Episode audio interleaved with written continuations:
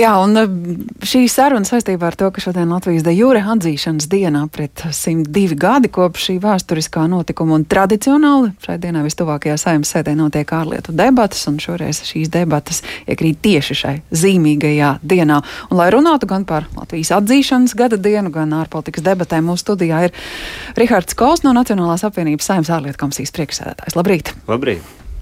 Uh, tātad Šoreiz ārpolitikas debats notiek tieši dienā, kad pirms 102 gadiem diplomātiem izdevās panākt Antāntes augstākās padomas lēmumu par Latvijas atzīšanu de jure.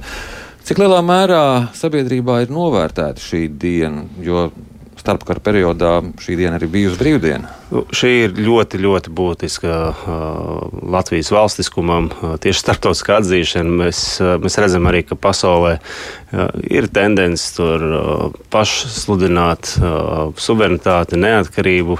To var darīt, bet ir jautājums, cik tevi starptautiski atzīst, cik tu esi kā tiesības subjekts uh, starptautiski atzīts. Un, lai arī mūsu valsts ir dibināta 1918. gadā, uh, tas prasīja trīs gadus, lai starptautiski mūs atzītu kā tiesības subjektu, kā līdzvērtīgu spēlētāju. Tas arī pavēra iespējas uh, gan būt starptautiskajās organizācijās, integrēties un attīstīties līdz citām uh, demokrātijām. Tas ir ļoti, ļoti būtisks. Tas varbūt ir izdots arī grāmatas. Es aicinu Latvijas iedzīvotājus izzināt mūsu vēsturi. Tā ir ļoti spilgta, ļoti daudzveidīga, tīpaši to darbu, kas parasti diplomātiem ir tas varbūt ne tieši uz skatuves publiskajā, bet tieši aizklausēs notiek ļoti daudz dinamiskas sarunas. Es domāju, ne, nevienu sviedru lāsīti nopelē mūsu diplomātiem panākot šo vēsturisko lēmumu.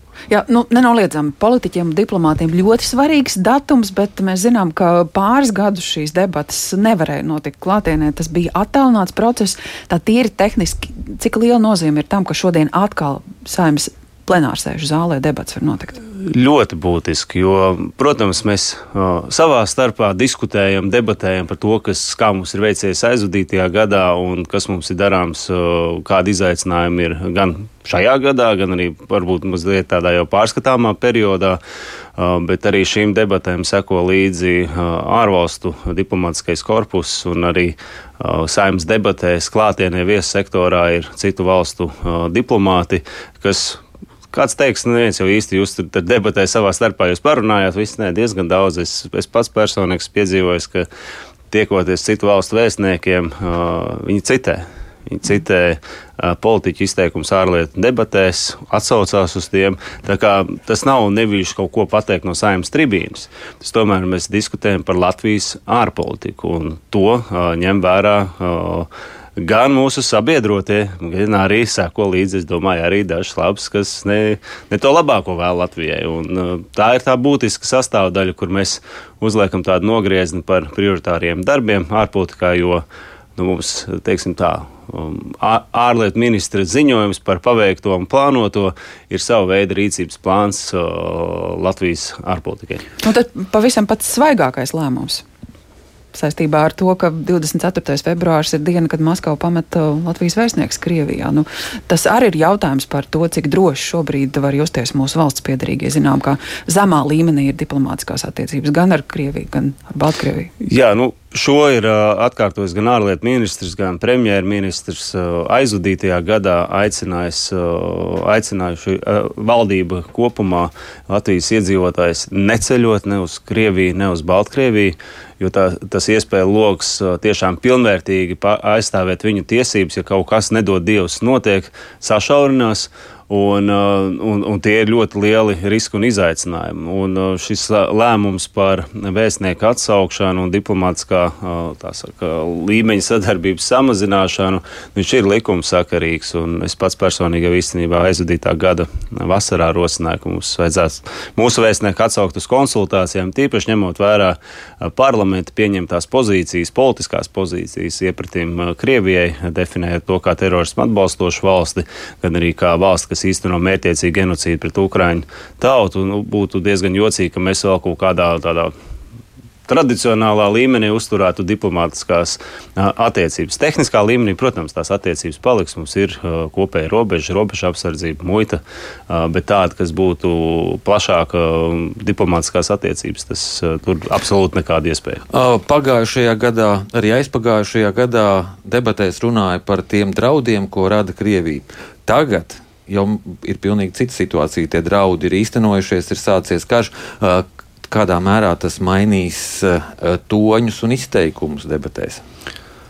Es domāju, ka fokus centrā būs Ukraina būs Ukraina, kā un ko uh, vajag vēl palīdzēt, lai uh, mēs sasniegtu to mērķi, kas ir izvirzīts Krievijas strateģiskā sakā. Uh, un tajā skaitā arī Ukrainas uh, teritoriālās integritātes atjaunošana tās starptautiski atzītajās robežās, un tur ir ļoti daudz darāmā. Tepat uh, pirms pāris minūtēm uh, Rihards Pūm ļoti skaidri uh, pauda to tās ambīcijas no rietumu uh, valstīm sniegt atbalstu, un es domāju, tas atbalsts tikai un vienīgi palielināsies.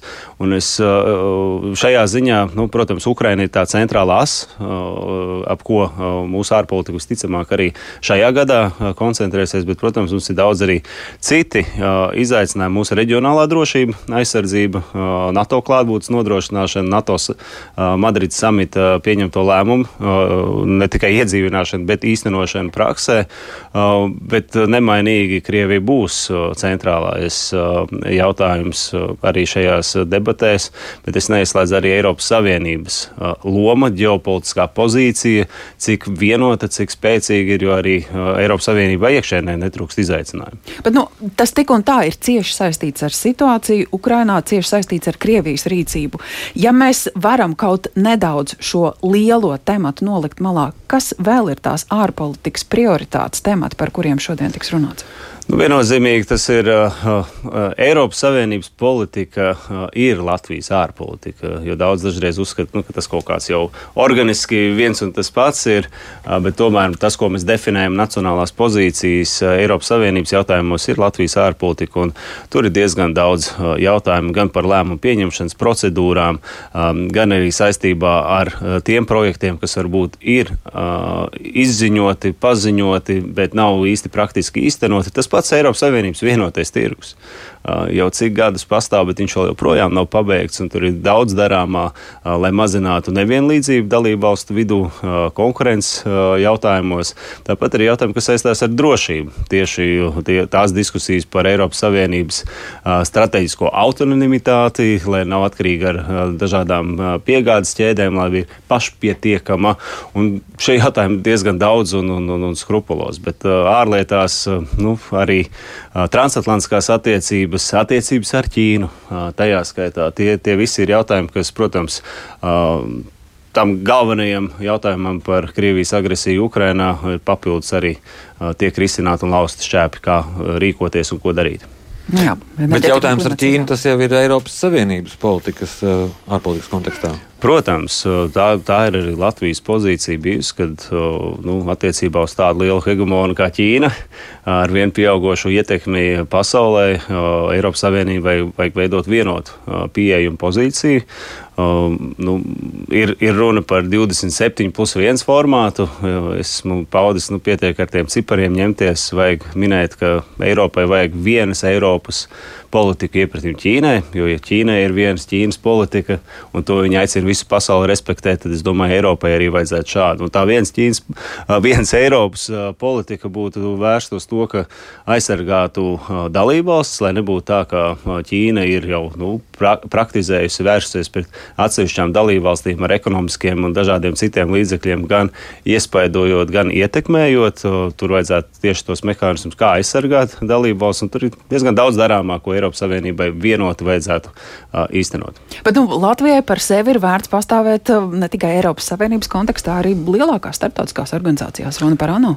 Absolūti, absolūti. Šogad arī aizsākas oficiālā kampaņa uh, Latvijas kandidēšanai ANO drošības padomē nepastāvīgi, kā nepastāvīgai loceklē. Līdz 25. gadam šī kampaņa norisināsies.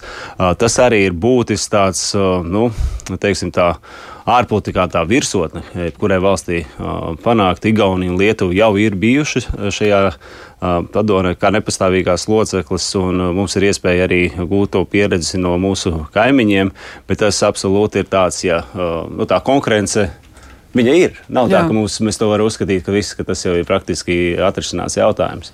Um, tomēr ir jādabūj viena trešdaļa ANO uh, dalību valstu atbalsts. Un, nu, mēs redzam, ka pasaulē ir mazliet vairāk par 64 demokrātijām. Un ir daudz valsts, kurām ir jāstrādā ļoti intensīvi, kur var būt tas redzējums uz izaicinājumiem nav tāds pats kā no mūsu skatu punkta.